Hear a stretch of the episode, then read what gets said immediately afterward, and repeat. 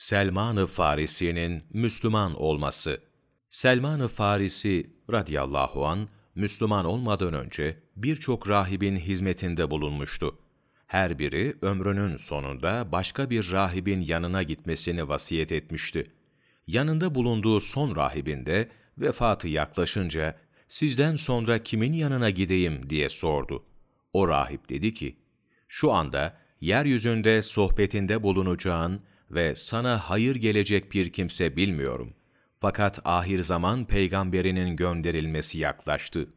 O peygamber sallallahu aleyhi ve sellem, İbrahim aleyhisselamın dini üzere olur. O iki taşlık arazi arasında ve hurma ağacının bol olduğu bir yerde bulunacaktır.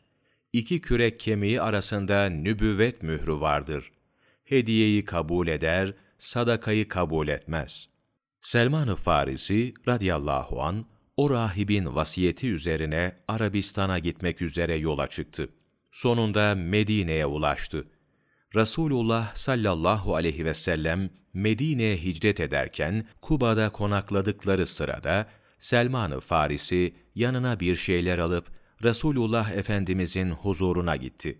Götürdüğü şeyleri bunlar sadakadır diyerek takdim etti. Resulullah sallallahu aleyhi ve sellem ashabına siz yiyiniz buyurdu ve kendisi yemedi. Selman-ı Farisi kendi kendine alametin birisi ortaya çıktı dedi. Bundan sonrasını kendisi şöyle anlatmıştır. Resulullah sallallahu aleyhi ve sellem Kuba'dan Medine'ye gelince yine yanıma bir şeyler alıp huzuruna gittim. Bunlar hediyedir dedim.